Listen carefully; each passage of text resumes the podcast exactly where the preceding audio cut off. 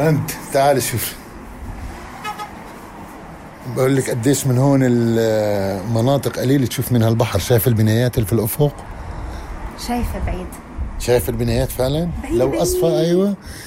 لو أصفى شوي الدنيا بتشوف البحر من هون. فهذا المشهد النادر تشوفيه. هلا بنكمل. نسكر شباك عشان نسمع بعض أحسن جوا. هذا اللي صار في بداية زيارتي لمرسم الفنان خالد حوراني في وسط مدينة رام الله. وبأكد لكم إنه هذا الموقف بصير في معظم بيوتنا دائما في هاجس البحث عن إطلالة البحر في جوا بيوتنا وقلوبنا حنين غير متوقف للبحر. صحيح كتير رند. أنا بتذكر لما كنت بفلسطين كيف أنا وأصحابي دايما كنا هيك نختار مكان عالي ونستنى الغروب ونقول بركي. بركي ببين البحر. حتى اليوم لهلأ بشوف كتير ناس وأصحاب بنشروا كتير صور ببين البحر حتى لو كان هيك ببين من الأفق اللي كتير بعيد. بتعرفي شهد لما اخترت موضوع الحلقة فكرت هاي فرصة أشارك العالم بحب بشترك فيه الفلسطينية ومحرومين منه. وفي نفس الوقت برسم بكثير من الألم صورة عن تفاصيل حياتنا. حلقتنا اليوم نسجت من قصص لناس شاركونا علاقتهم مع البحر. وحكوا لنا عن زيارتهم الأولى وعن تفاصيل بتغيب عنا بس حاضرة كتير في قلوب محرومة فعلا من البحر. منتجة حلقتنا لليوم رند خضير قصة كده فيها هيام. دايما كان بيبقى فيه سبب إن أنا أكمل. انفعال غضب زعيق. أنا بحبك قوي كل حاجة حلوة. أنا ما بتغير قلوب عند بعضها. قصص عن تلك الطاقة التي تحرك الكون. تستمعون لبرنامج بحب من إنتاج شبكة Kerning Cultures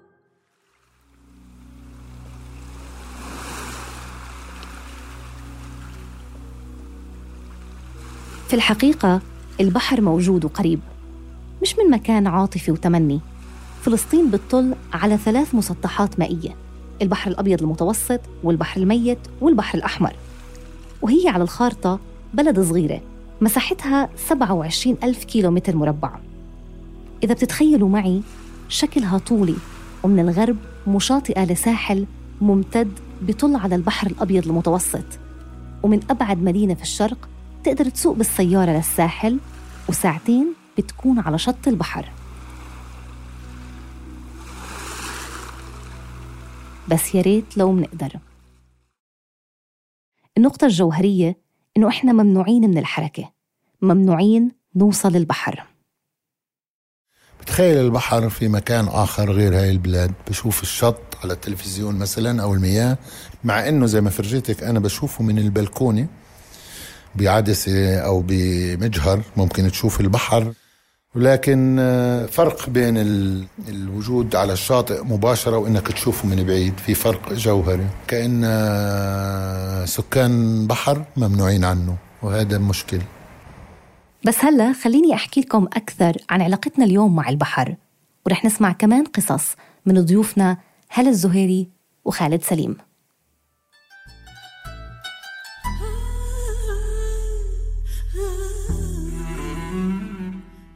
أنا رند عمري 30 سنة وعايشة في مدينة رام الله.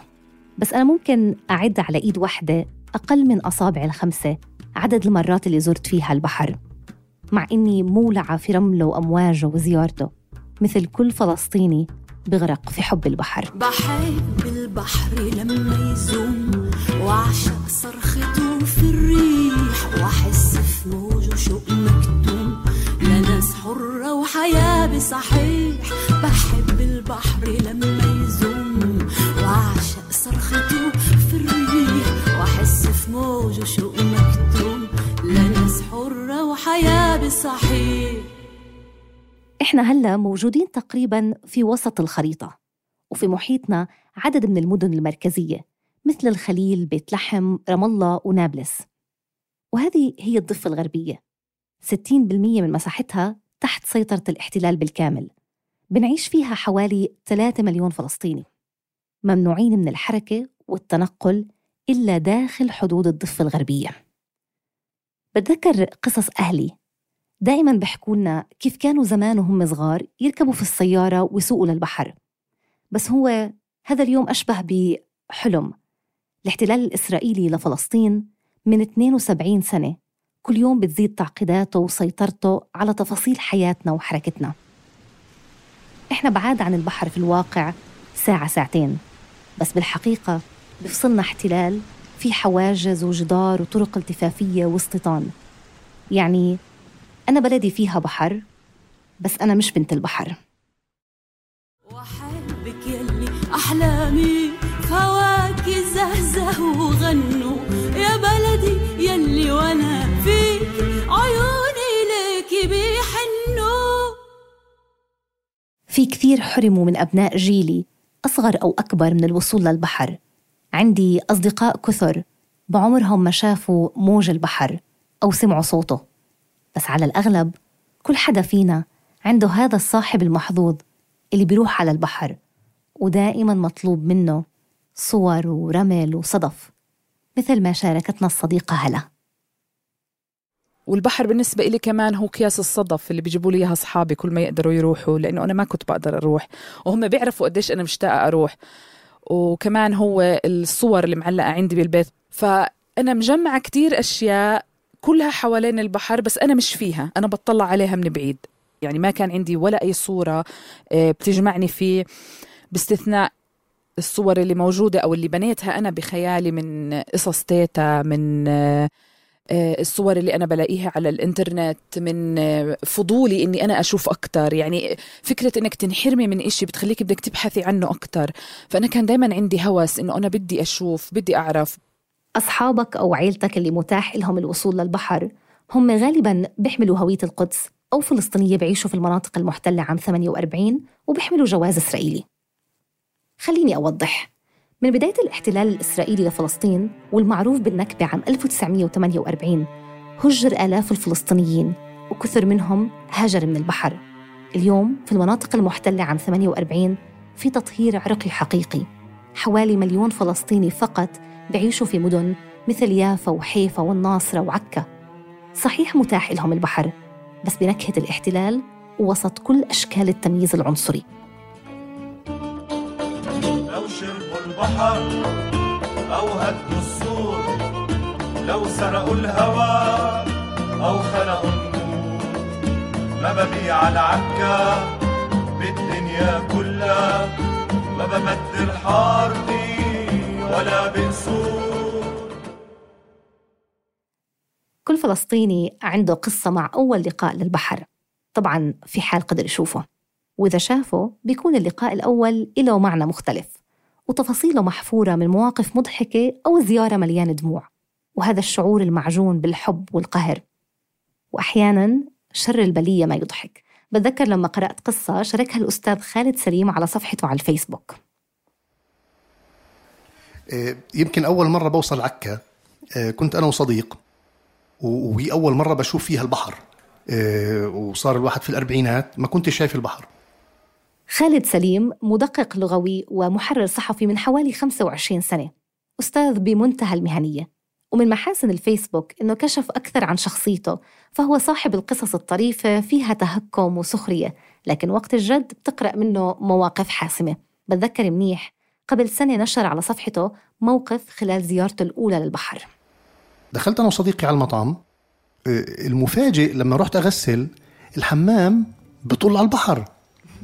انت- ال- الفكرة كثير كانت مجنونة إنه اللي هو الحمام اللي هو المكان يفترض مكان آه، مش نظيف مش ممتع مش حلو الواحد بده يدخل ويطلع بسرعة مشان يقضي حاجته. أعتقد أطول فترة مكثتها في حياتي في حمام كانت في ذلك الحمام لأنه مطل على البحر. كان كثير المشهد يعني آه، عارفي غريب ومستهجن وساخر ساخر جدا يعني. تأخر البحر. قالوا لي هون أستنى. يمكن تاه البحر ويمكن ما دلوه هنا.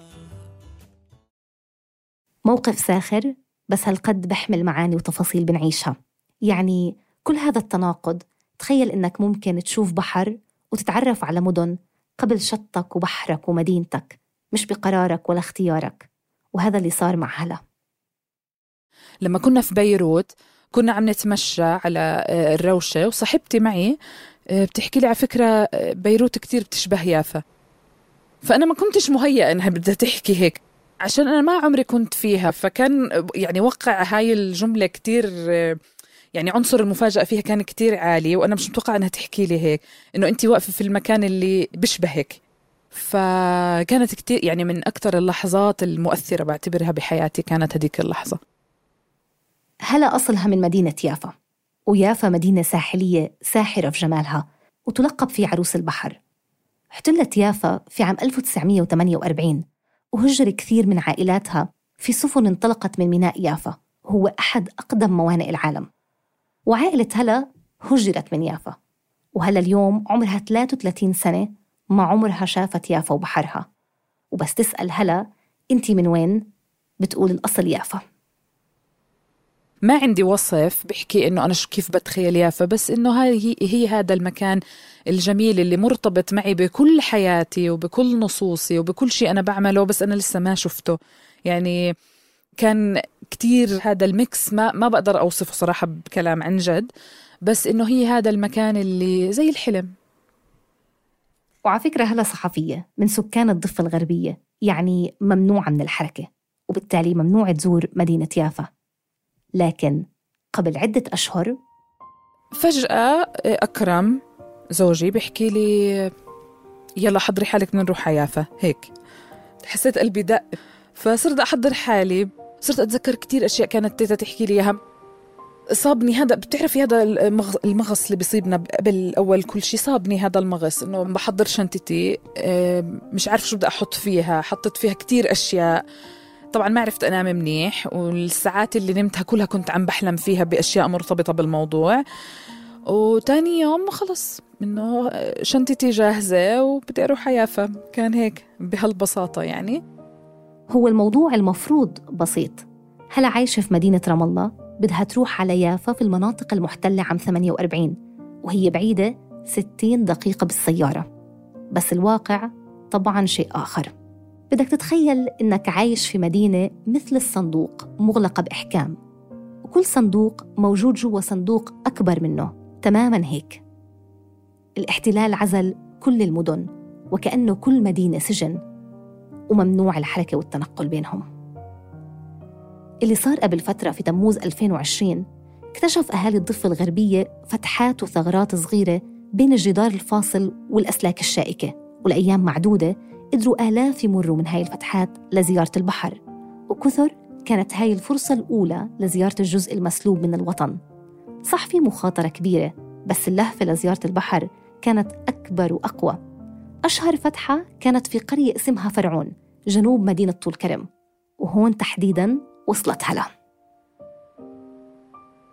صراحة إشي ولا عمري بنساه إنه كل هيك بتلاقي أربع خمس شباب واقفين في كل زاوية عم يعني عم بيستنونا بيستنوا الناس اللي بدها تروح على البحر بس عشان يقولوا لهم روحوا يمين روحوا دغري روحوا هاي.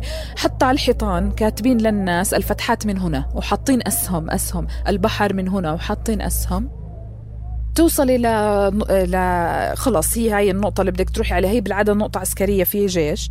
بدك تطلعيها يعني في حجار وكذا. بعدين بتقطعي شارع بهالبساطة إنه بس بدك تقطعي شارع في سيارات واقفة هناك بتنادي إنه بدك تروح عيافة بتطلعي عيافة. إنه إنه بهالبساطة هلأ أظني أصعب أصعب لحظة كانت علي وأنا عم بقطع الشارع. إنه خلص أنا قطعت الشارع عارفة؟ إنه هاي هي آخر مرحلة.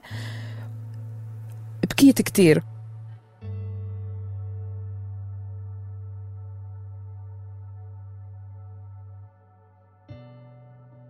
طلعنا بالباص اللي راح ياخدنا على يافا. في الباص كنت كل الوقت آه، عم بتنطط على الشبابيك. عيني عم بتنط على الشبابيك بدي أعرف وين أنا وين إحنا. آه، صار من بين العمارات هيك بالشقوق يبين البحر. وهيك الشمس عاكسة عليه. وهذا ال... عارفة هذا المشهد اللي دايما بحطوه بالأفلام عشان يشدوا عين المشاهد. فأنا كنت عم إنه هي الب... يعني إنه هيو يعني عم بطل وهيك.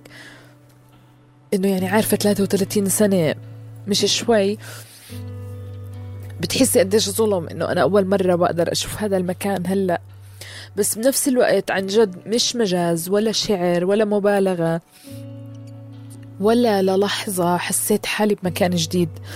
يعني كل شيء فيها كان إنه أنا بعرف هذا المكان أنا متأكدة أنا كنت هون فاهمة؟ بفهم وجع هلا منيح. لأنه بصيبني إشي بشبه في كل مرة بزور البحر. التفاصيل اللي عم تحكيها حركت ساكن جواي حركت موج وبحر. هالقد أشياء صغيرة بحياتنا محرومين منها. هذا الشعور بالظلم والحرقة والدموع كان لازم يحل مكانها حياة طبيعية وأقل تعقيداً. لأنه بيت في يافا ومشي على البحر كان ممكن تكون جزء من الحياة اليومية العادية مش حلم وزيارة واحدة بعد 33 سنة من العمر. نزلت على الشط هيك بتحسي بحر يافا مشاكس. كان في ست كبيرة قاعدة قبالي وما بنسى يعني ولا بعمري رح أنسى ابتسامتها. كل ما يجي الموج يبللها. يعني هاي برضو أشياء ما بنساها. آه، فتت على البحر طبعا. آه، آه، مشيت وانبليت وخليت الموج يعني يضرب في في في جسمي. البحر كان أحلى من كل النصوص وأحلى من كل الأغاني وأحلى من كل شيء أنا جربت أكتبه وأحلى من كل شيء أنا قرأته. ما كان بيشبه شيء. أول مرة كمان إنه أنا أنا ماسكة كيس الصدف ومروحته معي ما حدا جايب لي إياه هدية. صرت أنا جزء من المشهد بطل هذا مشهد حدا بيجيب لي إياه. صرت أنا جزء من المشهد وأنا عم بحكي. من قصة هلا نسمع صوت وتجربة كثير ناس منا. وإنه رغم كل التعقيدات لكن بترجع من زيارة البحر بتحبه أكثر تتمسك فيه أضعاف تحلم إنك ترجع كمان مرة لو بدك تحاول سنين. زيارة البحر بتعطيك فرصة يصير عندك صور وقصص وذكريات تعيش معها وتنتظر زيارة جديدة. لكن كيف ممكن الأطفال يعيشوا هاي التجربة؟ وهون بشاركنا خالد سليم عن تجربته مع أطفاله. الطرافي وين؟ الطرافي إنه حتى إحنا اللي بنعيش مثلا في رام الله آه، أو أي حدا بيعيش في أي منطقة في الضفة بيته عالي شوي بجيب الناس بيحكوا لهم تعالوا أنا عندي بيت بيتي بيطل على البحر. إذا هيك شفت في الأفق البعيد شوية زراك أو شوية اللي هي عمليا يمكن تكون شوية غيوم.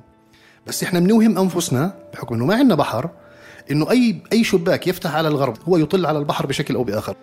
فالبحر آه شيء شيء مشتهى نحلم به يعني ليل نهار كانت عندي مأزق مع أولادي بشكل أكثر. أولادي صاروا في المراحل الأساسية من التعليم وهم بيعرفوا البحر فقط في الكتب. لذلك واجهت مشكلة كبيرة في ترسيخ هذا المفهوم عندهم وصرنا اضطرينا نطلع تهريب مرة أو مرتين مشان أوريهم أحكي لهم هذا هو البحر يعني.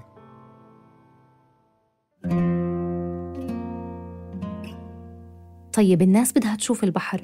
من حقها تشوف البحر. فإما بيقرروا يمروا تهريب وطبعا الإشي في خطر كبير على الشخص وعلى اللي برافقه لأنه أنت ممكن يتم اعتقالك أو تتعرض لإطلاق نار أو ينسب لك تهمة بتهدد حياتك. يعني في مخاطرة كبيرة. وممكن تروح على البحر إذا أنت بتمتلك لسبب ما تصريح. والتصريح تصدر سلطات الاحتلال. لإلي مثلا أنا من رام الله عشان أدخل القدس والمناطق المحتلة عام 48 وفي تصاريح لغزة كمان. بس أنا هلأ رند ما بقدر أقرر وأقدم على تصريح. لأنه هذا متاح لفئة صغيرة ومحددة ولازم يكون في سبب واضح لطلب التصريح. مثلا تصريح بهدف العمل أو العبادة أو العلاج أو لزيارة الأقارب. وطبعا حتى هاي الأسباب ممكن تكون مش كافية ولا مقنعة للإسرائيلية وكتير ناس بتم رفض تصريحهم تحت مسمى منع أمني. في 74 نوع تصريح. وطبعا ما في تصريح لزيارة البحر بس في حال أنت معك تصريح وقررت تزور البحر. لحظة لحظة.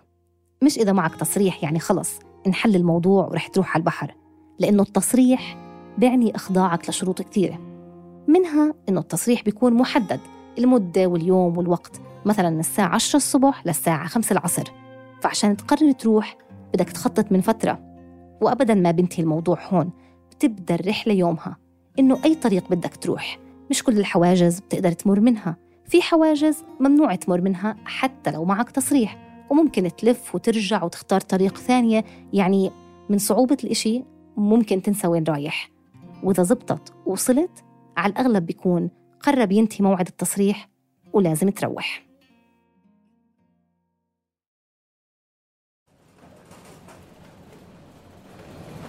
بس مرينا على أحد الحواجز. اضطرينا نتخبى داخل الباص مشان يعني اللي قدام الباص ما يشوف إنه في بشر داخل الباص. سكرنا الشبابيك بالكامل سكرنا البرادي آه، التزمنا الصمت المطبق. آه، حتى الشواحن كانت معلقة في في سقف الباص. كل الناس نزلوا شواحنهم مشان أي جندي على الحاجز يعتقد إنه الباص فاضي. وربنا يسر. ثاني يوم طبعا الناس انمسكوا في نفس الرحلة ونفس الباص ونفس ال- الحاجز. ناس انمسكوا. بمجرد ما قطعنا لما وصلنا البحر وصلنا بحر عكا أصيب يعني أصيب أولادي بالذهول. عن جد مش ببالغ لأنه ما بيعرفوا شو يعني بحر ما بيعرفوا شو يعني موجي جاي ما بيعرفوا شو يعني إنه دير بالك تروحش لجوا لأنه البحر غدار. شو يعني غدار؟ ما بيعرف ما بيعرف شو يعني مده جزر. كثير الاولاد انبسطوا وبلشوا حتى يعني بلشوا كل يوم والثاني يقولوا بدنا نروح على المسبح فبحكي لهم أي مسبح. فانه إنه البحر اللي رحنا عليه في عكا. صرت زي الأولاد الصغار صرت ألم في صدف. يعني لميت يمكن يعني يمكن نص كيلو أو كيلو صدف بدنا نروح نحطه في صحون باعتباره يعني كنا في البحر.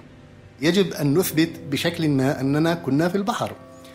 كثير كنت سعيد إنه حركتني الشمس آه، آه، في السباحة واللي كل اللي يشوفني إنه آه والله وين كاين؟ آه كنت في البحر. هالقد الموضوع كان مغري. كثير محزن آه، لما تصير تقارني أكثر مع غزة. غزة اللي كمان منطقة كثير ضيقة رغم البؤس اللي فيها لكن إحنا ورغم إنه يعني لا تحسد على غزة على شيء بكل أسف بحكم وضعها إلا إنه بنحسدهم على البحر. صحيح غزة مشاطئة للبحر لكن من 13 سنة غزة تحت الحصار ومعزولة تماما مش بس عن باقي المدن الفلسطينية إنما عن العالم. البحر متاح لكن بشروط. الصيادين محصورين في مسافة ما بتزيد عن عشر أميال.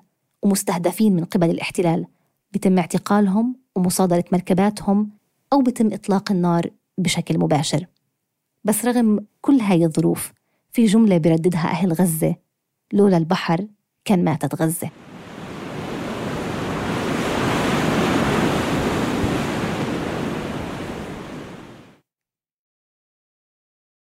علاقتنا مع البحر مرتبطة في وين إحنا عايشين في أي جزء من فلسطين. بس كمان لأي جيل إحنا بننتمي يعني مواليد الستينات العلاقة مع البحر وزيارته مختلفة تماما عن مواليد السبعينات والثمانينات والتسعينات بحكم وجود وفعل الاحتلال الإسرائيلي. بيحكوا لي اللي أكبر منا اللي كانوا قبل الانتفاضة قبل انتفاضة 87 كانوا الناس بسياراتهم آه، بلحظة عصاري آه، بقرر أي حدا إنه ينزل بسيارته يروح على حيفا أو يروح على يافا. هذا كان متاح. قبل الانتفاضة الناس كانوا ينزلوا بسياراتهم سيارات الضفة. ينزلوا يروحوا يتعشوا في سمك عند البحر ويروحوا. آه، حتى الآن يذكرون ذلك و- وبيذكروا حتى اللي راحوا هم عمرهم ست سنين لا ينسون تلك اللحظات. القصص والمشاهد محفورة في ذاكرة جيل كامل تحديدا أبناء مدن الساحل اللي اليوم جزء كبير منهم بعيشوا في مخيمات للاجئين في فلسطين وخارجها رغم إنهم كانوا بيملكوا بيوت بتطل على الساحل. يعني ابن أجمل المدن في الساحل اليوم بعيش في مخيم للاجئين أو في مدينة معزولة محاطة في جبال بتعلو قممها مستوطنات إسرائيلية. وهذا أثر علينا بشكل كبير. مرة كنت عم بعمل مقابلة مع آه، صبية من غزة. فكنا عم نعمل عن ال- الفروقات أو عن كيف شعور أهل غزة اللي هم عايشين برام الله. فجزء من كلامها وهي عم تحكي كانت عم توصف الفرق بين أهل الساحل وأهل ال- الجبل وقديش إنه بيكونوا أهل الساحل شغوفين. أنا صفنت فحسيتها عم تحكي عني. فبهاي اللحظة إنه آه بتكتشفي إنه حتى لو ما كنتي عايشة هناك بس صفات أهل الساحل عن جد موجودة. أعتقد حرماننا من البحر آه، جزء منه آه، بنعكس حتى على شخصيتنا. بديش أحكي انغلاقنا بس آه، البحر بشكل أو بآخر هو أحد مظاهر الانفتاح. رؤية هذا المدى المتسع اللامنتهي من الزرقه والماء وانعكاس السماء بفتح الآفاق كثيرا يشرح الصدر كثيرا. إحنا هذا الشيء محرومين منه بكل أسف. حتى أبسط الأمور محرومين منها.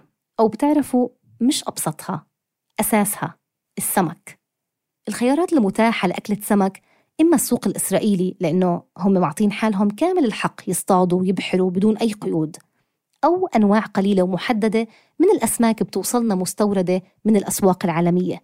بكل الحالات إذا طلع لك أكلة أكلتين سمك في السنة يدوب نعرف شو نوعها واسمها وطعمها إحنا في الضفة بنشتهي السمك والسمك بالنسبة لنا هي وجبة كثير شهية بس بنعرفش ناكله إيه، لدرجة إنه أنت لما تعمل سمك في البيت وعندك أطفال بتكون كثير حذر يابا شوكي دير بالك هذا مش هيك هذا مش هيك حتى أنت ككبير يمكن تواجه مشكلة. بعكس مثلا في غزة في غزة بتلاقي الأمر عكسي تماما بيعرفوا أنواع السمك كلها صغارا وكبارا بيعرفوا اسم أنواع السمك. بوكلوه بمنتهى السلاسة وال- وال- وال- والمهارة. هذا فرق يعني قد يبدو صغيرا بس هالقد بيعكس علاقة علاقتك أنت كحدا محروم من البحر مقارنة بحدا يعني عايش على شط البحر بشكل يومي. فلسطين تاريخيا كان فيها ثقافة الساحل والبحر لكن اليوم نتيجة هذا الإقصاء ومنعنا من الحركة. وتحديدا هذه المساحة في البعد والقرب عن البحر شكلت عنا ثقافة مغايرة. وعن هذا المحور تحديدا كان نقاشنا مع ضيفنا الفنان خالد حراني. إجمالا بتكون ثقافة الساحل منفتحة أكثر من الجبل لأنه ماخذة من البحر فكرة المجهول والقادم الغريب. المينا بتحمل ال- الاختلاف. ممكن المينا يجيب لك أي حدا غريب من أي مكان في العالم. بينما في الجبل أو في القرية الثقافة بتكون أكثر محافظة. المهن اللي مرتبطة بالبحر الصيد ركوب البحر الذهاب إلى المجهول آه، بتخلي الإنسان علاقته مختلفة كيف الصيد بخلق ثقافة الزراعة وانتظار المحصول بخلق ثقافة ثانية.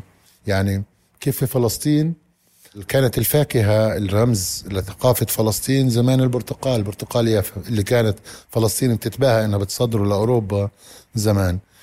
لما انحصر وجود الفلسطيني على الساحل اضطرينا لرمز الجبل الزيتوني أو الزيتوني كنبتة جبلية بتكونش على الساحل وعن حضور البحر في المشهد الثقافي في كثير من الأعمال الفنية الفلسطينية تناولت ثيمة أسورة البحر والصياد والسمك أو حتى استخدمت اللون الأزرق للدلالة عليه لكن كيف ممكن ابن الجبل والمدينة يرسم الساحل والبحر؟ في غياب قسري للبحر إذا بدك من الثقافة الحالية ومن المشهد.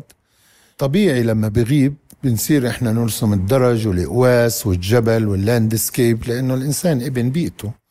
في فرق لو أنا أعيش على البحر كموضوع وبين ما أعيش مع البحر كمتخيل. في قدر من النوستالجيا مع هاي العلاقة الآن بسبب هذا ال- الغياب. لأنه لما إحنا بناكل بالجمعة مرة واحدة سمك فبتغيب عن اللوحة زي ما بغيب عن المائدة. بت- بتغيب عن المشاهدة بتصير السمك سمك الزينة. أكيد علاقتي وعلاقة الفن بفكر ب- بالبحر علاقة ملتبسة وهذا الالتباس بكثف البحر من ناحية المعنى وبخليه غايب من ناحية الشكل. مع إنه حاضر البحر بالفن الفلسطيني شوق وتعلق وحاضر كتير بال- البحر حاضر السمك حاضر الشبك الصيد حاضر. وإحنا في خضم النقاش وبنحكي عن أثر غياب البحر. شاركنا خالد حراني في حادثة مفصلية غيرت علاقته هو والعائلة في البحر بشكل كبير. عندي أخو فنان اسمه حسن حوراني واللي هو رسم البحر بطريقة مميزة جدا رسم حاله جوا البحر مع السمك ورسم حاله فوق الموج. وكمان هذا على مستوى شخصي أثر فيي أيضا. آه، كونه حسن آه، فنان فلسطيني تميز بهاي العلاقة مع البحر وتوفى في البحر أيضا هو. غرق يعني. وهذا أضفت علينا كعائلة وعلي أنا كفنان علاقة مميزة مع البحر.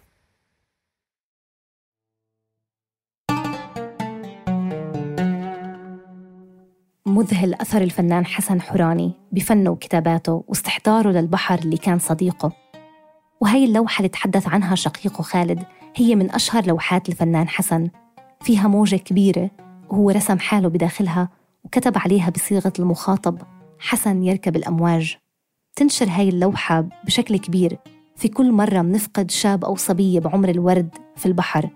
وللأسف في كثير مرات بتكون زيارتهم الأولى للبحر وللمفارقة إنه الفنان حسن عاد لفلسطين عام 2003 بعد سنوات من الغربة في دراسة الفنون في العراق ونيويورك وتنقل في فنه في كثير من دول العالم أو كما دائما كان يقول ويكتب حسن في كل مكان. وفي نفس السنة اللي رجع فيها حسن على فلسطين قرر يزور البحر. وفي زيارته الأولى يوم 6 8 2003 غرق حسن في بحره اللي رسمه في بحر أحبه. ونحبه جميعا. إلى الأبد.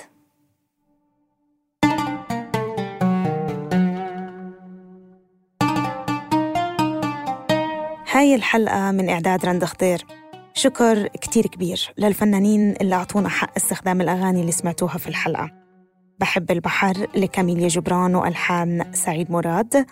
لو شربوا البحر لفرقة ولعت كلمات خير فودة وألحان ماهر خوري. أخر البحر لشادي زقطان. شكرا كتير لكم وطبعا شكرا لضيوف الحلقة. لخالد سليم خالد حوراني وهلا الزهيري. لمشاركتنا تجاربهم ولأنهم أعطونا من وقتهم.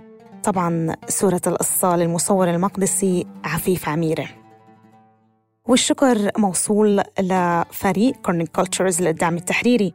نادين شاكر شهد التخيم هبة عفيفي مديرة التحرير وأنا شهد بني عودة مضيفة ومحررة البرنامج. التصميم الصوتي لفادي جرس.